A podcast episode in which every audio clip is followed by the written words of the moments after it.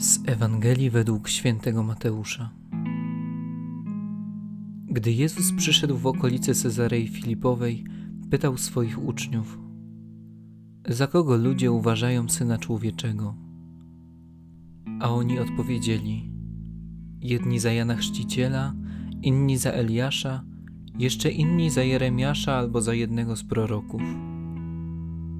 Jezus zapytał ich: A wy za kogo mnie uważacie?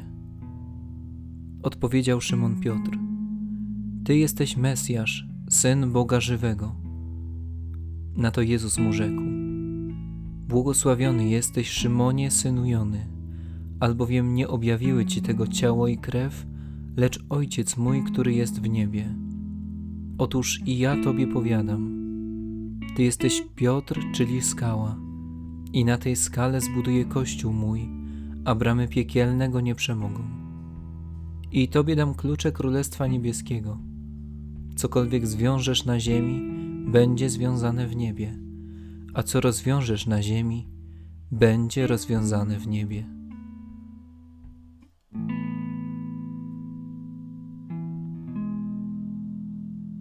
W 2005 roku przeprowadzono w Polsce badania dotyczące kondycji psychicznej jej mieszkańców. Jedną z najmniej wybieranych odpowiedzi była: Jestem dumny z tego, że jestem katolikiem. Taką deklarację złożyło tylko 3,5% ankietowanych. Mając przed oczyma scenę z dzisiejszej Ewangelii, możemy poczuć się naprawdę dumni z tego, że jesteśmy katolikami, a nasz Kościół jest założony osobiście przez Chrystusa i oparty na wierze świętego Piotra. Gdybyśmy my dziś chcieli zbudować Kościół od początku, to nie znaleźlibyśmy ani jednej osoby, na której moglibyśmy oprzeć swoją wiarę. Nie byłby to najpobożniejszy zakonnik chodzący po naszym globie, najmądrzejszy profesor teologii, ani najbardziej miłosierna i dobra osoba.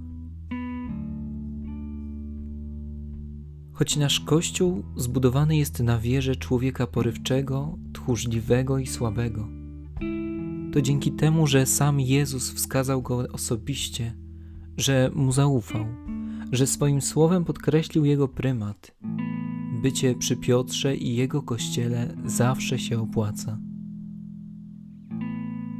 Opłacało się to jezuickim męczennikom japońskim z XVIII wieku którzy musieli patrzeć na straszliwą śmierć swoich owieczek. Opłacało się to księżom męczonym w Dachau, których rozstrzeliwano zazwyczaj w Wielki Czwartek. Opłaca się to ciągle setkom tysięcy chrześcijan, którzy każdego roku przelewają krew za Chrystusa. Bramy piekielne nigdy nie przemogą Kościoła.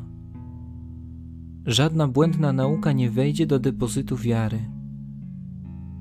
Takiej obietnicy nie ma żadna inna wspólnota na świecie. W rękach Piotra naszych czasów spoczywa władza kluczy, dzięki której możemy być spokojni, że jeśli tylko kroczymy drogą wskazaną przez Kościół, nigdy nie zbłądzimy. Słuchając więc słów dzisiejszej Ewangelii, poczujmy się naprawdę dumni, że jesteśmy katolikami i członkami Kościoła opartego na wierze świętego Piotra Apostoła.